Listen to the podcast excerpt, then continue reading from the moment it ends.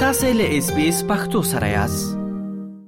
د اس بي اس رادیو د پښتو خبرونه محترم اوریدونکو وخت مو په خیر رحیم الدین وریا خیلم له افغانستان تاسو ته تا د افغانستان او سیمې د تیر یوې اونۍ مهمه پیښه وړاندې کوم هله دا چې تر پای مې ملتیا وکوي د ارزونې د ظرفیتونو پروژې موندلو تېره اونۍ وښوده چې اقتصادي او بشري کړکېچ افغانان دې ته اړ کړي چې له داسو لارو کار واخلي چې پر روغتیا یې اغېزه کوي. د ارزونې د ظرفیتونو پروژې موندنو کې راغلي ول چې ټولې هغه کورنۍ چې څېړل شوي او ترې پوښتنه شوې سل په سلو کې له ګران بیو خوراکي توکو لکه غوښې، تازه او وچې مېوې او هګیو له خوړلو ډډه کړې. په دې څېړنه کې زیاته شوې وه چې د دغو کورنیو یوولس سلنه یې په منظم ډول درې وخته خواړه نه خوري او خپل مالونه لکه کاڼې، څاروي او ځمکې د خوراکي توکو د رانیولو لپاره پلوري. په دې څېړنه کې د ماشومانو د کار په اړه هم اندېښنه ښودل شوې وه او له اقتصادي ناورین سره د مقابلې لپاره د بې کیفیته خوړو د خوړلو او د زده کړو د پرېښودو له اغېزې نه جبرانېدونکې بلل شوې وې. د ارزونې د ظرفیتونو پروژې په څېړنه کې بشري مرستې د مبارزې یو مهمه ستراتیژي بلل شوې وه خو په خبره یې د مرستو په ویش کې د فساد لامل خلکو ته سمې نه دي رسیدلې د ارزونې ظرفیتونو غیر انتفاعي پروژه د 150 هیوادونو د متخصصینو یو ډله ده چې په 2009 میلادي کال کې په بیرنډي حالاتو او پیچلو کړکېچونو کې د بشري اړتیاو د ارزونو خکولو لپاره په جنیوا کې تاسیس شوه د ارزونې د ظرفیتونو پروژه داسې مهال خپلې موندنې شریکوي چې د ملګرو ملتونو د بشري چارو د همغږۍ دفتر یا اوچا د معلوماتو له مخې دا مهال په افغانستان کې اته ویشت اعشاریه اته میلیونه خلک بیړنیو بشري مرستو ته اړتیا لري.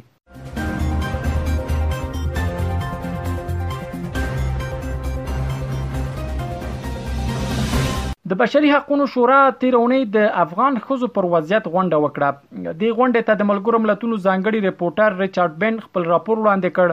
د افغان ښځو لپاره شرایط ورځ تر بلې خرابېدونکي وبلل او وی ویل چې د ښځو پر وړاندې محدودیت او د هغوی ځورونې د یو بشري جنایت په توګه حسابېدای شي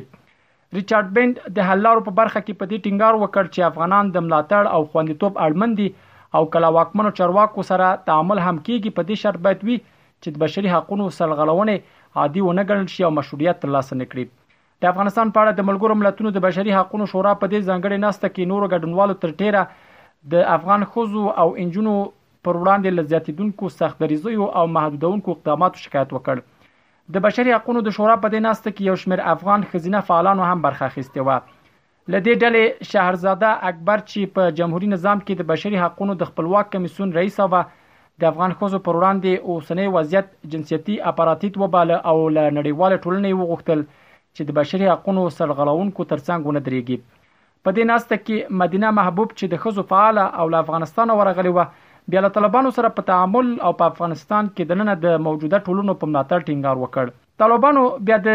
افغانستان د بشري حقونو د وضعیت په اړه د ریچارډ بین راپور ته په غبرګون کې هغه پروکاپ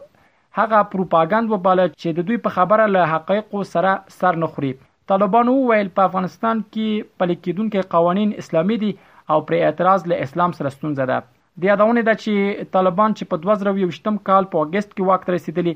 له هغه له هغه راهیسې یې له شپږم ټولګي پورته د نجونو پر مخ ښوونځۍ تړلي، نجونې پوهنتونونو ته نه پرېږدي او تر څه باندې شپږو میاشتو کېږي چې په کورنیو او بهرنیو موسسو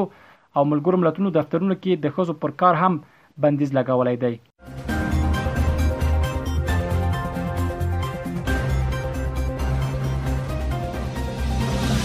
د طالبانو مشرتابه تیر اونۍ په یو حکم کې له محاکمو پرته خپل سری سزاوې بندې کړې. دغه تازه حکم چې تیر اونۍ د سه شنبې پر ورځ خپور شو راغلی ول چې د دوی حکومت هیڅ غړی یا چارواکی د دې حق نه لري چې یو مجرم کس ته سزا ورکړي.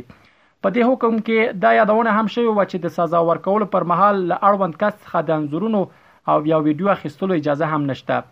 د طالبانو د مشرتابه په دې حکم کې همداراز راغلي ول چې د سپېڅلي شریعت له مخې تورونو ته د سزا ورکولو صلاحیت یوازې شرعي محکمې لري. د طالبانو د مشر دا حکم داسې مهال خپرېږي چې د تېرې اونۍ د سې شنبې په ورځ په لغمان ولایت کې طالبانو د دوی په قول په قتل تورن یو کس په عام محضر کې قصاص کړ. له دې وړاندو طالبانو د دوه زره او دوویشتم کال د ډسمبر په میاشت کې پر یو سړي د اعدام حکم پلی کړی و.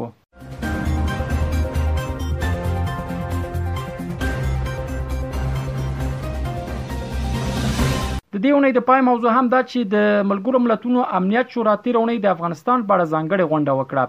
دغه غونډه چې د تیر اونۍ د چهار شنبې په ورځ تر سره شوه پکې د افغانستان په امنیتي وضعیت د بشري حقونو حال او افغانانو ته د بشري مرستو رسولو په موضوعاتو بحث او خبرې اترې وشوې دې غونډې ته د یوناما مشرې روزا اوتنابایو ګډون کړی وو او د افغانستان په اړه خپل راپور غونډې ته وړاندې کړ روزا اوتنابایو وویل که طالبان د ښځو په اړه خپل تګلارو ته بدلون ورنکړي امکان نشته چې حکومت یې په رسمیت وپیژندل شي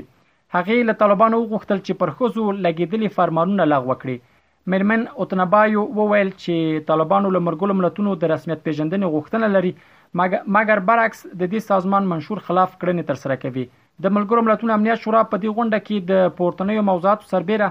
د سیاسي واک په برخه کې د طالبانو په تګلارو هم نیوکې وشوې. د امنیت شورا په یاده ناسته کې د منشي استازې د طالبانو ځینې کارونه وستایل. مېرمن روزا اوتنابایو وویل، طالبانو د داعش د لمنځه وړلو همغږي هڅې کړي، د لوړ اداري فساد کچه یې راکمه کړې او د کوکنارو په کښت کې هم د پام وړ کموالی راوستی دی. د طالبانو حکومت د بهرنیو چارو وزارت بیا په دې غونډه کې د روزا اوتنابایو له ځینو څرګندونو لکه د فساد نشتوالی، په منظم توګه د عوایدو راټولول،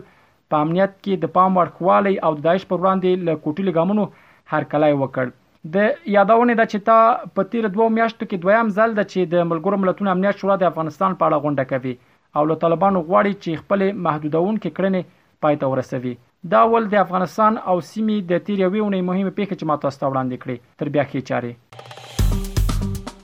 اس پی اس پختو په فیسبوک کې تا کې پلی مطلب یو فاک کړئ نظر ور کړئ او له نورو سره شریک کړئ